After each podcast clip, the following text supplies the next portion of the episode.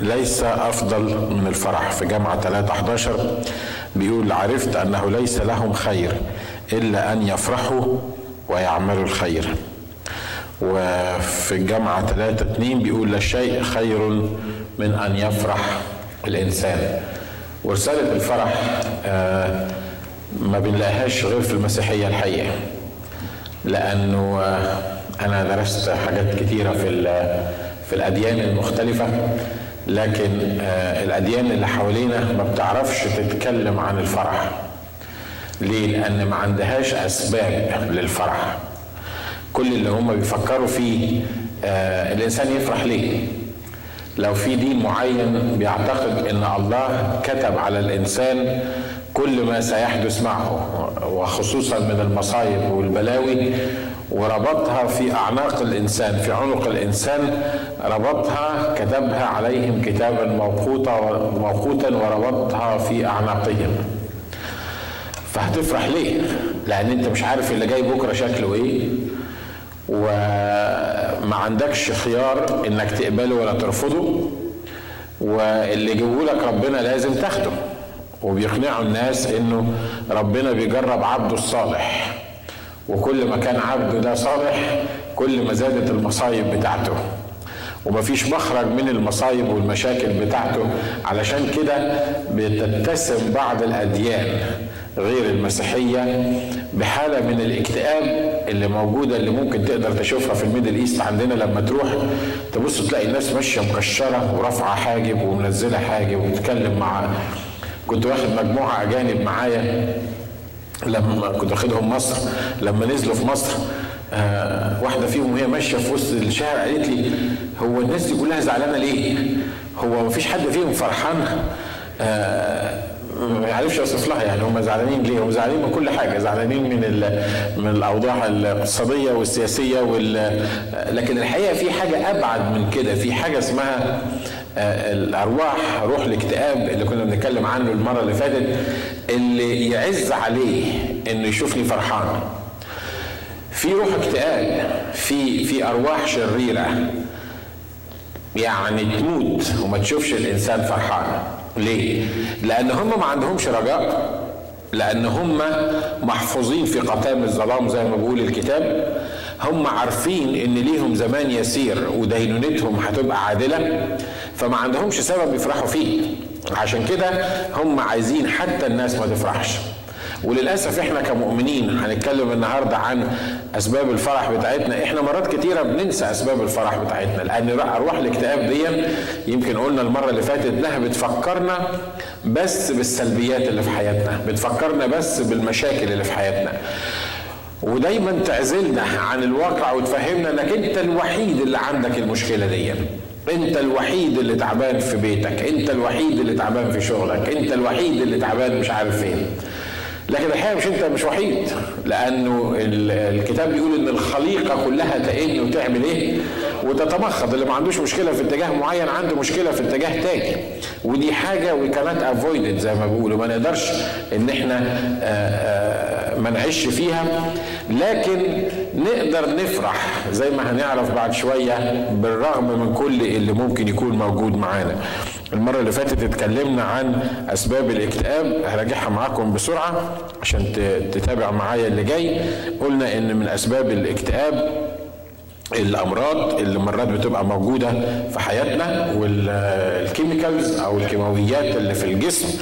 وقلنا إن من أسباب الإكتئاب التوقعات العالية إن إحنا بيبقى عندنا توقعات وانتظارات لحاجات معينة وما بتحصلش. وقلنا إنه من أسباب الاكتئاب ودي حاجة مهمة جدا الخبرات السابقة. في ناس دايما بتعيش في الماضي دايما بتعيش في الخبرات السابقة. دايما فاكرة المآسي اللي حصلت معاها دايما فاكرة الظروف اللي موجودة واللي مرت فيها ومش قادرة تخلص منها. وكل ما تحاول تنساها تلاقيها شاشة قدامها. وبتخش بعد كده في اللي إحنا بنسميه السيلف بيتي أو الإشفاق على النفس وتحس إنه اشمعنى أنا يا رب اللي حصل معايا كده واشمعنى أنا اللي أفقد واحد واثنين واشمعنى أنا اللي أعمل كده؟ وتعيش في الماضي وتعيش على الأحزان بتاعة الماضي. آه، قلنا من أسباب الاكتئاب مقارنة النفس بالآخرين. لما بنقارن أنفسنا بالآخرين اللي عندهم ودايما ما بنشوفش الناس عندها أي مشكلة بنشوف إن إحنا بس اللي عندنا المشاكل فإحنا بنقارن نفسنا بالآخرين. وده على فكرة مش عيب ولا حرام ولا غلط لأن ده كلام كتابي موجود. حتى اللي استخدمهم الرب مرات كانوا بيقعوا في المشاكل دي. الراجل بتاع مزمور 73 يقول لك لولا قليل لزلت قدماي. ليه؟ لأنه قاعد يقارن نفسه بالآخرين قاعد يقارن نفسه بالأشرار. بيقول لك الأشرار مالهم؟ مستمتعين بحياتهم آه لحمهم سمين جحظت عيونهم من الشم الشحم آه مش عارف لا شدائد في موت آه كل حاجة ماشية معاهم تمام. وهو بيقارن نفسه بيقول لك إحنا المؤمنين إحنا الموكوسين إحنا التعبانين إحنا اللي, اللي, اللي لازم نعيش واخدين بالنا من نفسنا ومن اللي حوالينا والظروف اللي بنعيش فيها. فإحنا المؤمنين اللي تعبانين إنما الخطاة مش تعبانين. لغاية ما دخل مقادس العدو والرب وراله نهايه الأشرار دول وقال لا أنا أشكر الله على اللي أنا فيه. ليه؟ لأنك بيقول لك في مزالق جعلتهم يعني هم نازلين بينزلقوا ويندفعوا للمصير الأبدي بتاعهم اللي هو جهنم النار. وقلنا من أكبر أسباب الاكتئاب الخطية ومن أسباب الاكتئاب هو المصاعب والضيقات اللي إحنا بتمر علينا. لكن النهارده عايز آخد الجانب الإيجابي في الموضوع طب نفرح ليه؟ كل اللي انت قلته ده عن الاكتئاب موجود لكن نفرح ليه؟ إيه الاسباب اللي تخلينا آه نفرح؟ وخلي بالكم اللي أنا بقوله ده مش وعظة. في فرق بين إن أنت تسمع معلومات وعظه وتقول حلوة الكلام ده والشاهد ده كويس يعني كلام حلو. وفي فرق بين إنك تطبقه على حياتك عمليا وده مش سهل، يعني مش هتقدر تطلع من هنا واخد آية وتقول آه هي الآية دي حلوة. تفتكرها كده لمدة ساعتين ثلاثة وبعدين تنساها، ده محتاج إنك أنت تطبق الكلام اللي إحنا هنقوله على حياتك كل يوم كل اليوم. أمين؟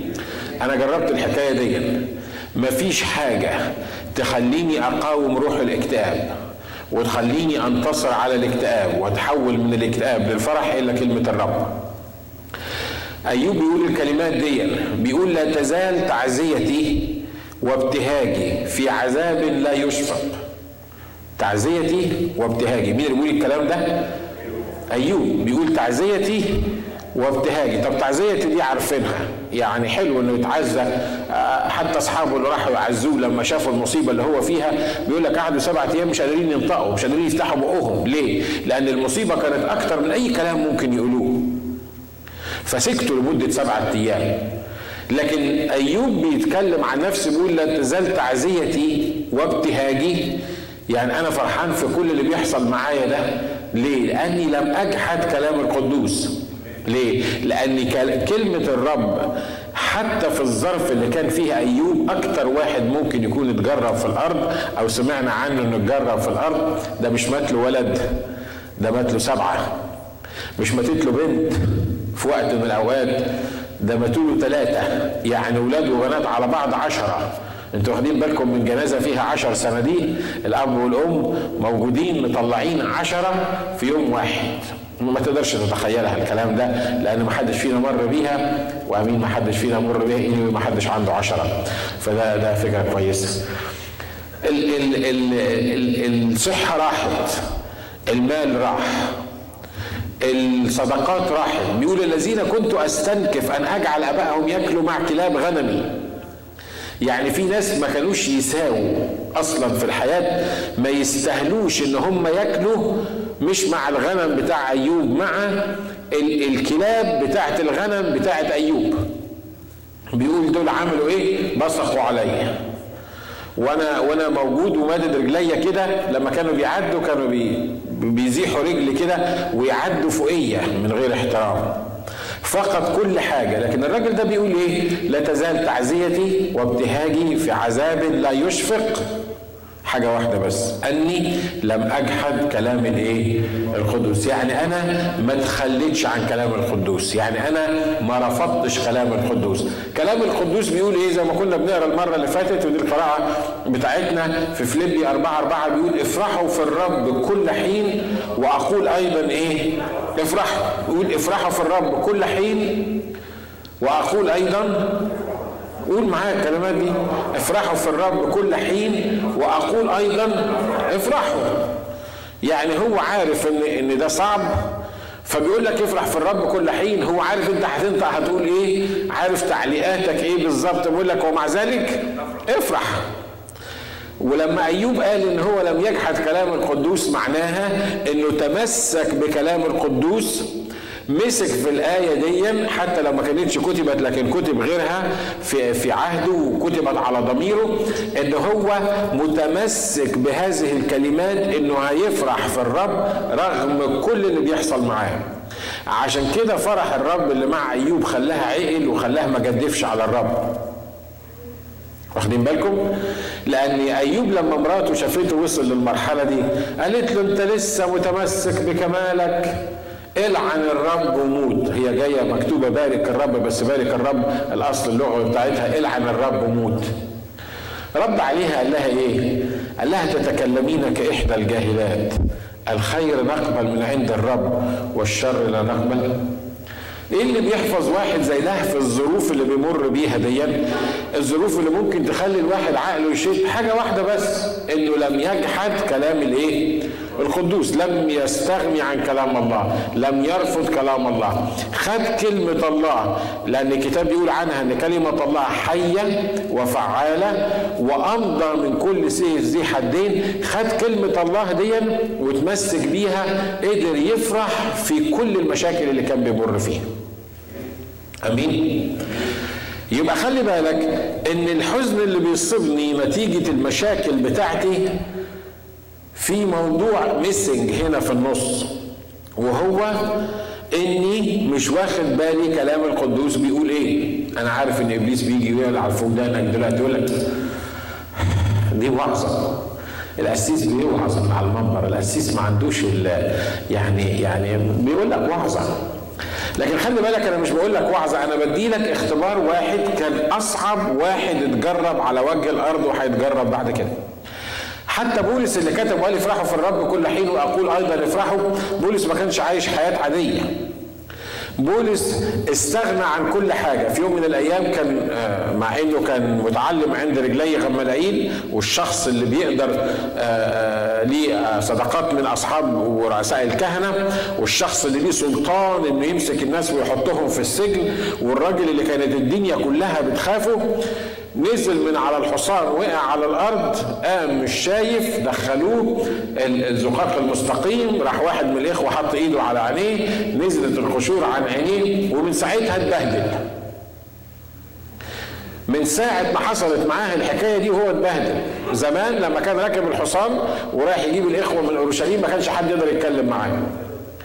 لكن بعد ما عرف المسيح مخلص شخص لحياته بأقل أخ من الإخوة يتكلم معاه ويشتم فيه ويقول له أنت مش رسول والكنيسة دي أنت ما عملتهاش وأنت مش عارف مين. قريت اختبار واحد من الإخوة المتنصرين في مصر. اللي قرأ فيكم كتاب حارة النصارى بيتكلم الكتاب ده عن الراجل ده إنه كان شرير جدا. بيقول انه إنه في الشغل بتاعه ما كانوش يقدروا يكافئوا أي حد من الموظفين غيره. لازم هو يبقى في أول الليستة. الرؤساء بتوعه كان يقول لك حط في أول الليستة اديله المكافأة لحسن يعمل لنا مشاكل. كل أصحابه كانوا خايفين منه. والقصة طويلة جدا. في النهاية عرف الرب مخلص شخص لحياته. أول ما عرف الرب مخلص شخص لحياته وكان قابض لسه المرتب بتاعه جديد فعندهم كده كل واحد لكر آه، دولاب معين حاطينه فيه كده فهو حط الفلوس بتاعته في الدولاب بتاعه. المرتب كله بادواته بكل حاجة رجع بعد شوية لقى مكسور ومتاخد ومسروق. وجه إبليس قال له شفت؟ لما كنت شرير وكانوا بيخافوا منك وبيترعبوا منك ما كانش حد يجي جنبك. لكن دلوقتي عامل لي بتاع ربنا والمسيح خلصك وساكن جواك. أهم بيضحكوا عليك. كسروا اللكر بتاعك وخدوا منك الفلوس المرتب بتاعك وخدوا كل الحاجة اللي موجودة فيه. شفت الفرق بين الاثنين لما كنت شغالي كانوا بيحترموك لكن دلوقتي بيهزقوك. بيقول أنا فكرت في أعمل إيه؟ بيقول فكرت أمسك البلطة دي أو الهامر يعني وأكسر بيه كل اللكرز اللي موجودة وآخد كل حاجة فيها وأوريهم ان أنا يعني أنا يعني أنتوا بتضحكوا عليا؟ زمان كنتوا بتخافوا مني دلوقتي إيه اللي حصل؟ أنا هوريكم إن أنا يعني أعرف أعمل كده لغاية دلوقتي. وبعدين روح الرب قال له لا المؤمن ما يعملش كده. المؤمن يسامح ويغفر وأنت لازم تفرح. واحد يفرح عشان المرتب بتاعه اتسرق. واحد يفرح وفي مصر لما المرتب بتاعك يتسرق يبقى شهرك أسود. هنا طبعا أسود لكن هناك يعني يعني الفلوس ضاعت. واحد يفرح لما الناس تضحك عليه لما الناس يقول عليه مخبل.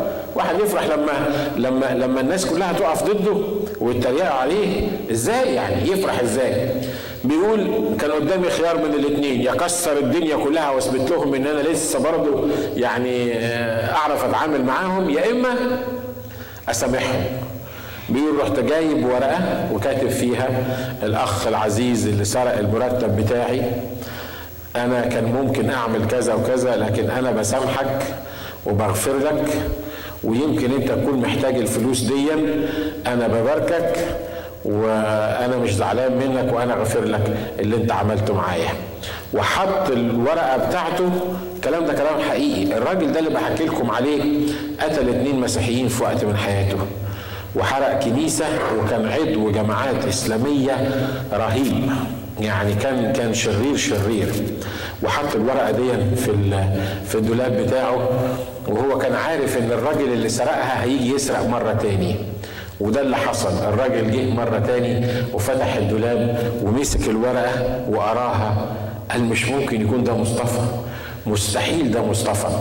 يعرف إن اتسرق مرتبه واللي فيه ويكتب الورقه اللي زي دي راح واخد بعده وراح له قال له اسمع قال له قال له أنت أنا اللي سرقتك وأنت فيك حاجة غريبة جديدة أنا عايز أعرفها. ليه أنت خدت مني الموقف ده؟ قال له أصل أنت مش عارف أنا قريت في كتاب النصارى ولقيت المسيح بتاعهم بيقول إن إحنا لازم نحب ولازم نغفر وأنا عجبتني الحكاية دي وأنا قال له أنت بقيت مسيحي؟ قال له آه أنا بقيت مسيحي وعشان كده أنا غفرت لك لأن أنا لو كنت زي ما أنا زمان أنت عارف كنت عملت فيك إيه أنت واللي موجودين في الشغل كلهم. قال له أنا عايز أبقى زيك. وصلى معاه وسلم حياته المسيح. بولس الرسول اللي كتب الكلام دون زي ما بقول لكم نزل من فوق لتحت. وبيقول خسرت كل الأشياء. ما عادش يندب جنب الأشياء اللي خسرها. يقول فين الأيام بتاعت زمان؟ لما كنت بمشي بيخافوا مني. فين بولس بتاع زمان اللي كان محترم في وسط الناس؟ لكن بيقول إيه؟ أنا صحيح خسرت كل الأشياء لكن أنا بحسبها نفاية. يعني إيه؟ يعني كل الأشياء اللي أنا آه، آه، ربحتها دي أو كان لي ربح ما كان لي ربح فهذا قد حسبته من أجل المسيح إيه؟ خسارة بال minus. يعني الحاجة اللي كانت عندي بال plus أنا بعتبرها دلوقتي بال minus وعندي استعداد أخسر كل شيء بعتبره نفاية لأجل فضل معرفة الرب يسوع الايه يسوع المسيح. ودي أول حاجة تخلينا نفرح. التلاميذ في لوقا عشرة عشرين راحوا الرب بعتهم وعملوا الخدمة بتاعتهم ورجعوا. رجعوا فرحانين جدا وبيقولوا للرب إيه؟ بيقولوا له حتى الشياطين تخضع لنا. طبعا حاجة تفرح. ناس كانوا صيادين وكانوا عايشين في, في إسرائيل ما مش فاهمين الألف من كوز الذرة وما عندهمش سلطان يعملوا أي حاجة. ناس عاميين والرب بعت لهم آه بعتهم مشوار جايين يحطوا إيديهم على المرضى فيبرؤون. وخلي بالكم إن في إسرائيل زمان في الوقت ده ما كانش حد يعمل الحكاية دي إلا الأنبياء بس. الإسرائيليين ما كانوش بيصلوا لبعض عشان يشفوا ولا يطلعوا شياطين من بعض. في أنبياء معينين هم الرب مسحهم للموضوع ده هم دول الناس اللي كانوا يعملوا المعجزات. جبنا الكلام ده من العهد الجديد لما الراجل الرب شفاه من العمى مسكوه قالوا له إيه؟ الراجل ده خاطئ. قال لهم خاطئ إزاي؟ مين؟ في واحد خاطئ يقدر يعمل الأعمال دي؟ يقدر الله يكون موجود معاه بالمنظر ده. الناس دول ناس عاديين راحوا يعملوا خدمة رجعوا بإيه؟ رجعوا فرحانين. فرحانين بإيه؟ فرحانين بالمواهب. فرحانين بالسلطان. فرحانين إن الرب عمل معاهم المعجزات دي وكانوا يضعون أيديهم على المرضى فيبرؤون ويخرجون الشياطين. فراجعين يتنططوا ويقولوا للرب حتى الشياطين تخضع لنا باسمك. والرب كأنه يعني حط دبوس في البالونة بتاعت الفرح بتاعهم. وشت. قال لهم لا أنتوا مش تفرحوا علشان الشياطين بتخضع لكم باسمي. افرحوا وتهللوا ليه لأن أسماءكم كتبت في سفر إيه؟ في سفر الحياة. وده أول وأهم سبب للفرح. أمين؟ إحنا نفرح ليه؟ نفرح عشان اسمائنا كتبت في سفر الحياة. هقول لك حاجة لو اسمك ما اتكتبش في سفر الحياة المفروض إنك تحزن وتبكي وتقعد تبكي على نفسك لغاية ما تسلم حياتك للرب وتتغير. لأن الحاجة اللي تفرحك حقيقي إن اسمك كتب في سفر الحياة. يا جماعة أنتوا معايا؟ ها؟ إحنا مش مقدرين أصلا إيه معنى إن اسمائنا كتبت في سفر الحياة. من كتر المؤمنين اللي حوالينا وإحنا عايشين في جو معقم عشان كده مش مقدرين يعني إيه اسمائنا كتبت في سفر الحياة. لكن لو قعدت قدام الروح القدس وقلت له يعني إيه يعني إيه اسم كتب في سفر الحياة؟ إيه الامتياز اللي أنا خدته عشان يحصل كده؟ صدقني الروح القدس هيكلمك بحاجات تخليك تفرح مش ساعة ولا ولا يوم ولا ولا عشرة هيخليك تفرح لغاية ما تموت وتشوف الرب. ولا واحد قال آمين. ليه؟ لأن اسمك كتب في سفر الحياة، يعني إيه اسمك كتب في سفر الحياة؟ بيقول لك نقلنا من الظلمة إلى النور، إحنا ما بنقدرش نستحمل دلوقتي إن يحصل بلاك أوت، يطفي النور لمدة ساعتين، مش كده؟ تبقى مشكلة، تبقى مصيبة، ليه؟ لأن النور اتطفى. لكن خلي بالك ان أنا وانتوا كنا أصلا عايشين في ظلمة وإحنا وإحنا في وسط النور اللي في العالم لأن العالم أصلا ما فيهوش نور كنا عايشين في ظلمة وكنا مستنيين الظلمة الخارجية اللي الكتاب بيقول اطرحوهم في الظلمة الخارجية هناك يكون البكاء وصرير الإيه؟ وصرير الأسنان. يعني مستنيين ظلمة خارجية بكاء وصرير الأسنان. وإحنا في الضلمة دي في نار مولعة فينا وفي اللي حوالينا وفي حاجة اسمها دود لا يموت عمال ياكل فينا. وشياطين عمالة تتعذب وتعذب في الآخرين.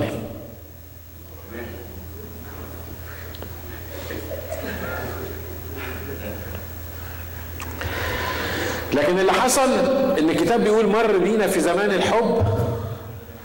وقالوا الناس اللي رايحين جهنم دول أنا بحبهم. أنا عايز أغسلهم من خطاياهم بدمي أنا عايز أعمل حاجة جديدة في حياتهم. والكتاب بيقول كده إنه إيه؟ بالنعمة أنتم إيه؟ مخلصون. كم واحد فينا يستحق الخلاص؟ ولا واحد. ليه؟ لأن بالنعمة أنتم مخلصون. ليه؟ لأن ما عملناش حاجة نستحق الخلاص. إحنا عملنا حاجة نستحق العقاب. إحنا عملنا حاجة نستحق النار. إحنا عملنا حاجة نستحق إن إحنا نتمسح من على الأرض. لكن ولا واحد فينا عمل حاجة لأن الكتاب يقول الجميع زاغوا وفسدوا وأعوزهم مجد الله. ليس من يصنع صلاحا ليس ولا وهم دول الناس اللي الرب كتب أسمائهم في سفر الحياة. عشان كده الرب عايز كان يخلي التلاميذ تركز إنك أنتوا تفرحوا إن أسماءكم كتبت في سفر الحياة. صدقوني لو بتفكر في الحقيقة دي بس في حياتك ما هيبقى بوزك شبرين وأنت جاي الاجتماع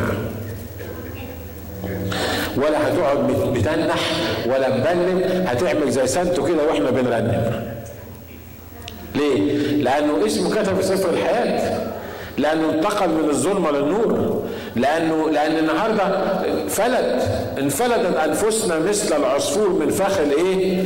الصيادين ما بقيناش مأسورين إيه نموت بعد كده تقول لي أصلك ظروفك وحشة وزعلان عشان ظروفك أنا بكلم نفسي أنا بزعل أنا بزعل ومرات بتجيني حالات اكتئاب ومرات ببقى قرفان من نفسي ومن اللي حواليا. أنا مش ما بعملش عليك بطل على المنبر. لا أنا بقول لك عليا أنا بعمل إيه. لكن عارف إمتى بكتئب؟ لما بنسى الحقيقة دي. عارف لما إبليس يجي يفكرني بالفشل بتاعي يفكرني بالنقص بتاعي يفكرني بحاجة كان المفروض أعملها وما عملتهاش يفكرني بحاجة إبليس خدها مني يفكرني بمشكلة حصلت معايا. لو أنا على طول بفتكر إن اسمي اتكتب في سفر الحياة صدقوني الموت بتاعي والمزاج بتاعي بيفرق 180 درجة. ليه؟ لأن بولس بيقول كده بيقول إن خفة ضيقتنا الوقتية تنشئ لنا أكثر فأكثر ثقل مجد إيه؟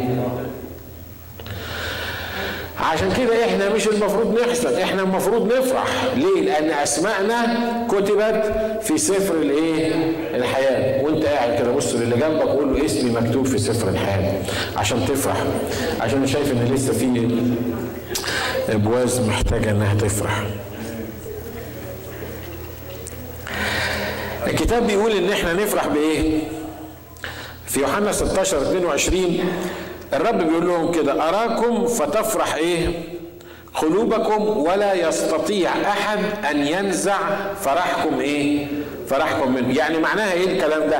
معناها أن حاجة تفرحنا أن الحضور الإلهي إن شخص الرب يسوع المسيح ممكن يراني ممكن يقعد معايا ممكن يتكلم معايا. مش بس خلصني وسابني. صدقونا لو خلصنا وسابنا كان يبقى كتر خيره برضه عمل حاجة كبيرة جدا.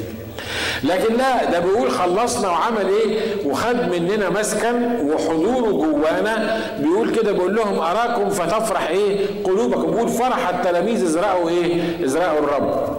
حاجة مهمة تخلي بالك إبليس بيعملها معانا. لما يحب ي put you down يعمل إيه؟ يعميك ويعميني. تبقى ليك عينين وأنت مش شايف اللي بيحصل. ما تشوفش يسوع في المشاكل. ما تشوفش يسوع في في, في الضيقات اللي انت فيها. صدقني ما تشوفش يسوع حتى في أفراحك. كم من أفراح اتقلبت جنازات لأن الناس كانت فرحانة. صح؟ ولأنها فرحانة سكرت وخرفت ورفعوا الكراسي على بعض واتقلب الفرح اللي كان فرح وكانت الناس عمالة ترقص فيه. شفت حاجات كتير أنا بالمنظر ده. اتقلب لجنازة. ليه؟ ناس ناس فرحانه عريس وعروسة قاعدين وعمالين ياكلوا ويشربوا ناس كلهم فرح. إيه اللي حصل؟ إيه اللي قلب الموضوع ده للجنازة؟ عارف اللي قلب الموضوع ده للجنازة إيه؟ إن يسوع ما كانش هناك.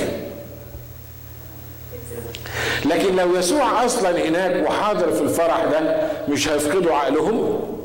دي حاجة.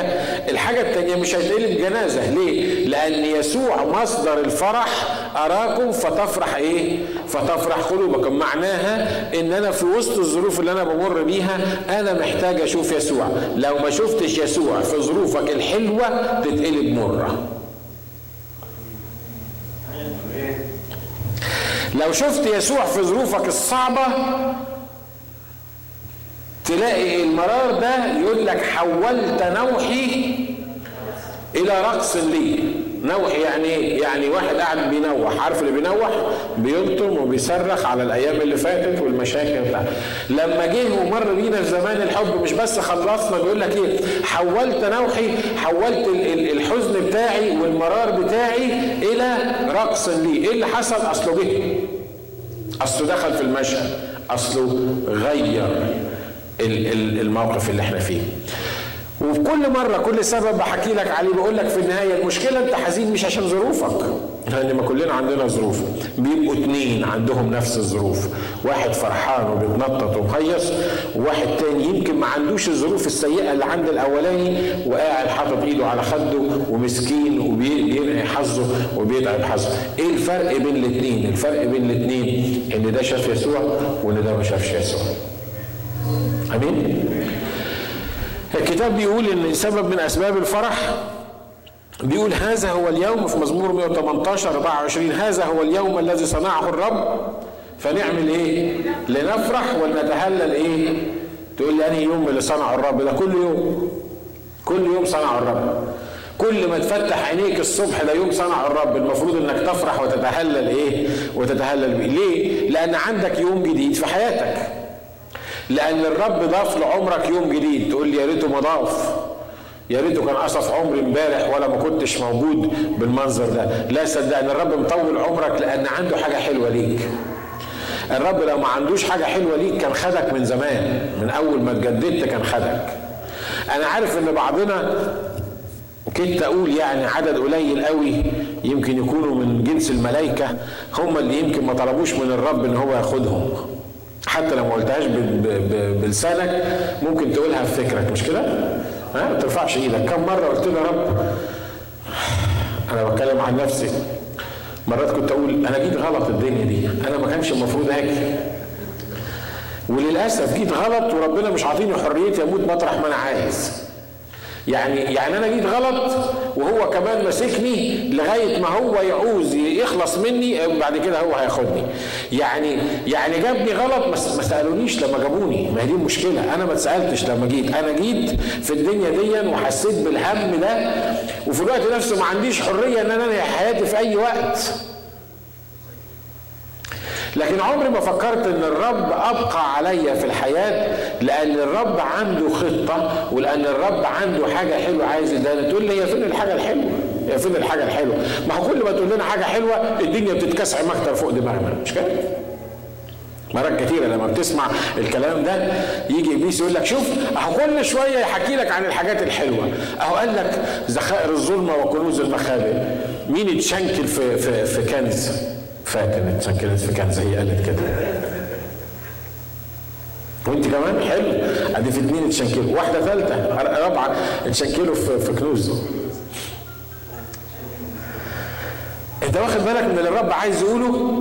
هذا هو اليوم الذي صنعه الرب لنفرح ونتهلل إيه؟ نتهلل فيه. لأن أنا صحيت الصبح عندي رحمة جديدة النهارده عندي إحسان من الرب جديد عندي حاجة الرب عايز يعملها في حياتي لأني عارف إن ربنا عطاني اليوم ده إن أنا أعيشه فده اليوم اللي صنعه الرب اللي الرب عايزني أفرح وأتهلل فيه. أمين. عشان كده لما تفتح عينيك الصبح وتقول لنفسك كده هذا هو اليوم الذي صنعه الرب. ده اليوم اللي الرب عمله مخصوص علشاني عشان أفرح وأتهلل فيه. صدقني قبل ما تنزل من على السرير تلاقي روح الفرح ملاك. لكن لو فتحت عينيك الصبح قلت يوم أسود تاني زي امبارح زي النهارده. محدش عارف بكرة هيحصل إيه.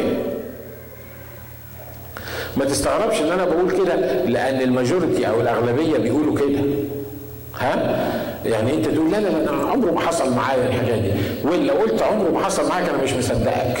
لو أنت عايش في الدنيا أنا مش هصدقك. لو عمره ما حصل معاك ولو حتى مرة واحدة.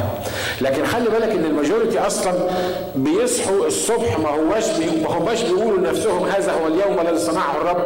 يقول لك أهو يوم جديد في الشغل اللي ربنا مش عارف يعمل فيه. اهو يوم جديد في العلاقات اللي ربنا خلصنا منها. اهو يوم جديد في وش الفقرية اللي موجودة معايا في البيت أو في وش المصيبة اللي ربنا عطاهوني.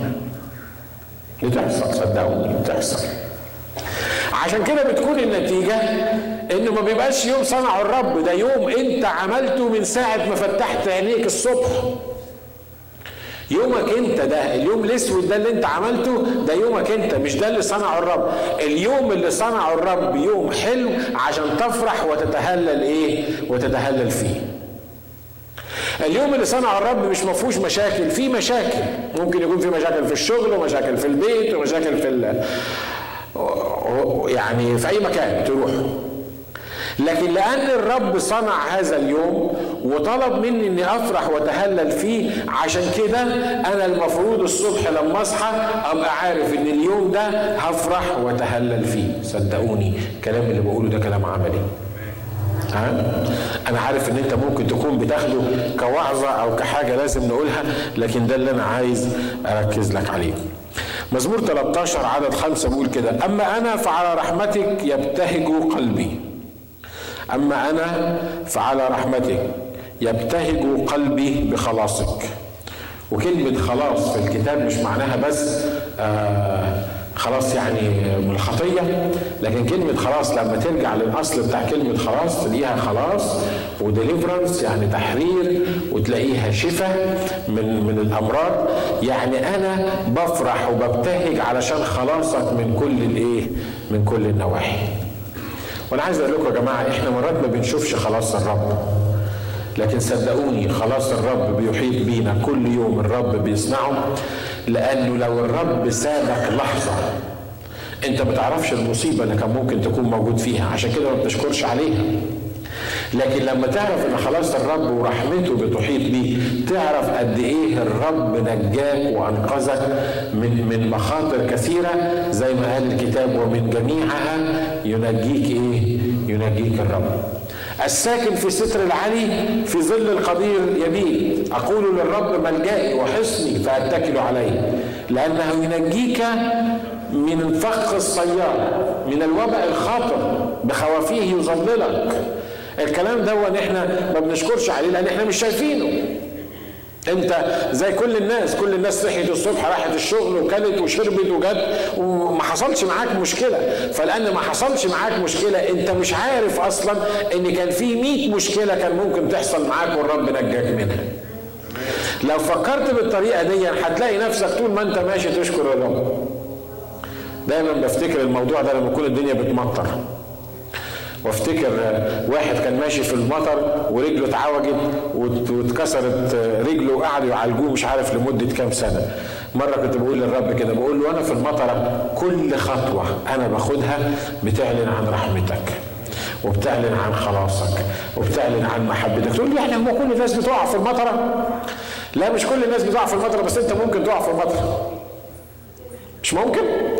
مش في ناس كثيرة بتقع في المطرة تتكسر مش في ناس كثيرة بتعمل حوادث في المطرة مش في ناس كثيرة حتى وهي نايمة على سريرها ما بتعرفش إيه اللي حصل لها.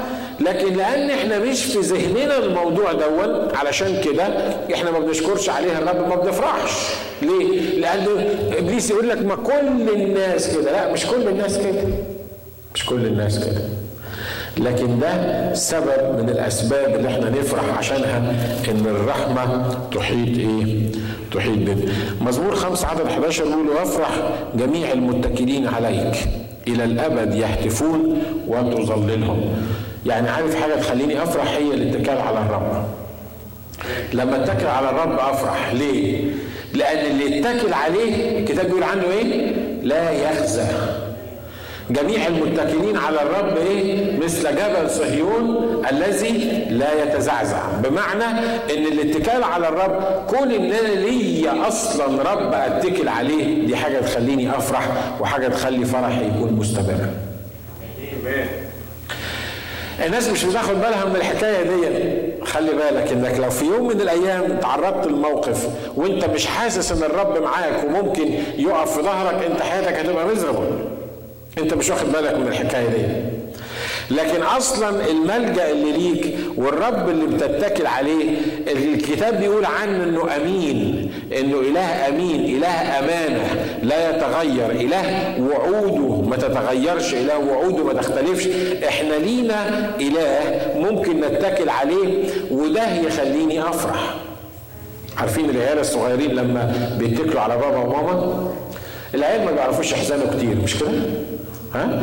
يبقى يبقى في البيت فيه مصيبة وتلاقي العيل الصغير ابو أربع سنين قاعد بيلعب لك PlayStation مثلا ولا عنده فكرة أنت بتعمل إيه؟ أنت البيت إن شاء الله حتى كان في جنازة هو ما, ليه؟ لأنه متكل على اللي وراه لأنه عيل عيل صغير. إن لم ترجعوا وتصيروا مثل العيال مش هتعرفوا تتعاملوا مع الرب. آمين. عشان كده اللي بيخليني أفرح أنا إن أنا ليا إله بتكل عليه. أنا لو عندي ظهر كبير يعني لو عندي واحد أتكل عليه لو عندي واحد غني لو واحد واخد باله مني أنا أحس إن أنا أنا أنا فرحان. أنا أنا عندي ظهر. لكن ظهري هو ملك الملوك ورب الأرباب. اللي كتاب قال عنه إنه يقول فيكون يأمر فإيه؟ فيصير. اللي بيقول للناس وهم ماشيين في, وسط الحقول بيقول لهم لا تهتموا بالغد. ما تعيش في الاكتئاب بتاع النهارده وتقول بكرة هنعمل إيه؟ يكفي اليوم شره، يعني عندك مشاكل كفاية النهارده، سيبك من بكرة، مش مهم بكرة يحصل إيه. وقال لهم قال لهم تأملوا زنابل الحق زنابق الحق. لا تزرع ولا تحصد ولا تجمع على مخازن وتأملوا طيور السماء. ما, ما, ما بتعملش ده كله. وأبوكم السماوي بيعمل إيه؟ بيقوتها حتى إن واحد من الطيور دي ما يقدرش يسقط على الأرض إلا بإذن أبوكم. أنتم أفضل من عصافير كثير. لو كانت الزنابق بتاعت الحقل دي بيقول لك بتلبس ولا سليمان في كل مجده كان بيلبس واحد غيرها. أنتوا عندكم إله تقدروا تتكلوا عليه. عشان كده إحنا بنفرح لأن عندنا إله نقدر نتكل إيه؟ عليه.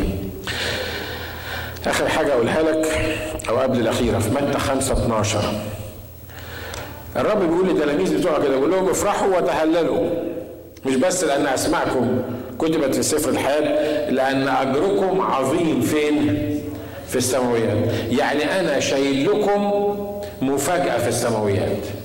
بولس الرسول لما راح يشوف السماوات دي شكلها إيه؟ نزل يوصفها لنا قال إيه؟ قال ما لم تراه عين وما لم تسمع به أذن وما لم يخطر على بال بشر ما اعده الله للذين إيه؟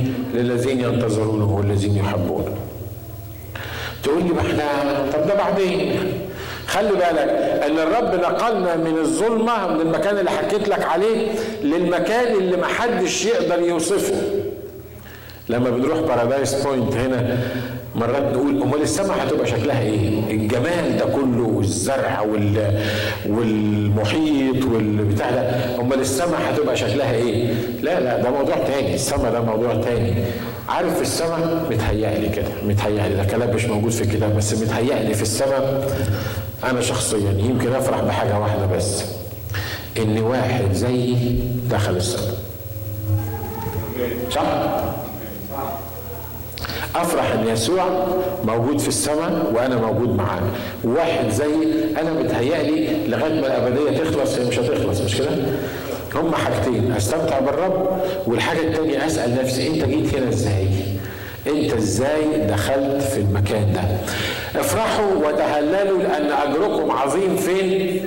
في السماويات. الكتاب بيقول كده. بولس الرسول بيقول خفة ضيقتنا الوقتية تنشئ لنا أكثر فأكثر ثقل مجد إيه؟ أبدي. بس خلي بالك الضيقة اللي الرب يحطك فيها لأجل الكلمة مش الضيقة اللي أنت تحط نفسك فيها بسبب غبائي وغبائك. ده موضوع تاني. فبيقول لو انت محطوط في ضيقة لو انت السيتويشن بتاعتك بسبب كلمة الرب زي ما قال يوحنا كده إن كنت في في في الروح في يوم الرب وكان في الضيقة دي لأجل كلمة الرب وشهادة يسوع المسيح لو انت موجود في الوضع ده افرح وتهلل ليه؟ لأن أجرك عظيم فين؟ لأن أجرك عظيم في السماوات بالإجمال وبملخص الموضوع الرب عايزنا نفرح. آمين أنا مش هتكلم تاني عن الفرح لكن الكتاب هنا آه لما بيقول إن التلاميذ لما مشوا مع الرب الكلام ده في لقا 19 آه 37 الكتاب بيقول إن لما كانوا ماشيين مع الرب وشافوا القوات بتاعت الرب عملوا إيه؟ بيقول لك سبحوا الله بصوت عظيم. كانوا بيرنموا بصوت عظيم كانوا بيسبحوا الرب بصوت عظيم. الناس بيقولوا لنا أنتوا بتزعقوا ليه في الترنيم؟ ناس بيقولوا لنا أنتوا صوتكم عالي ليه في الترنيم وبتسقفوا ليه في الترنيم؟ وإحنا ماشيين زي ما قال الكتاب مبنيين على أساس الرسل والأنبياء ويسوع المسيح حجر الإيه؟ حجر الزاوية. التلاميذ وهم نازلين من مع الرب على الجبل لما شافوا المعجزات اللي عملها الرب بيقول لك كانوا بيزعقوا بصوت عظيم ويعني بيرنموا بأعلى صوتهم. ما سمعناش الرب قال لهم لا لا وانتوا معايا تكونوا هاديين وانتوا معايا ما تزعقوش وانتوا معايا ما ترقصوش وانتوا معايا ما تهللوش لا ما قالهمش كده مش كده؟ ها؟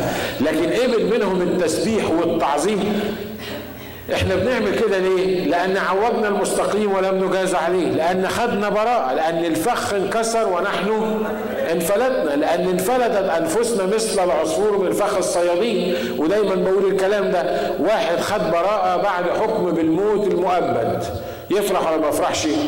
يهتف ولا ما يهتفش؟ ويرقص كمان. يلا ابو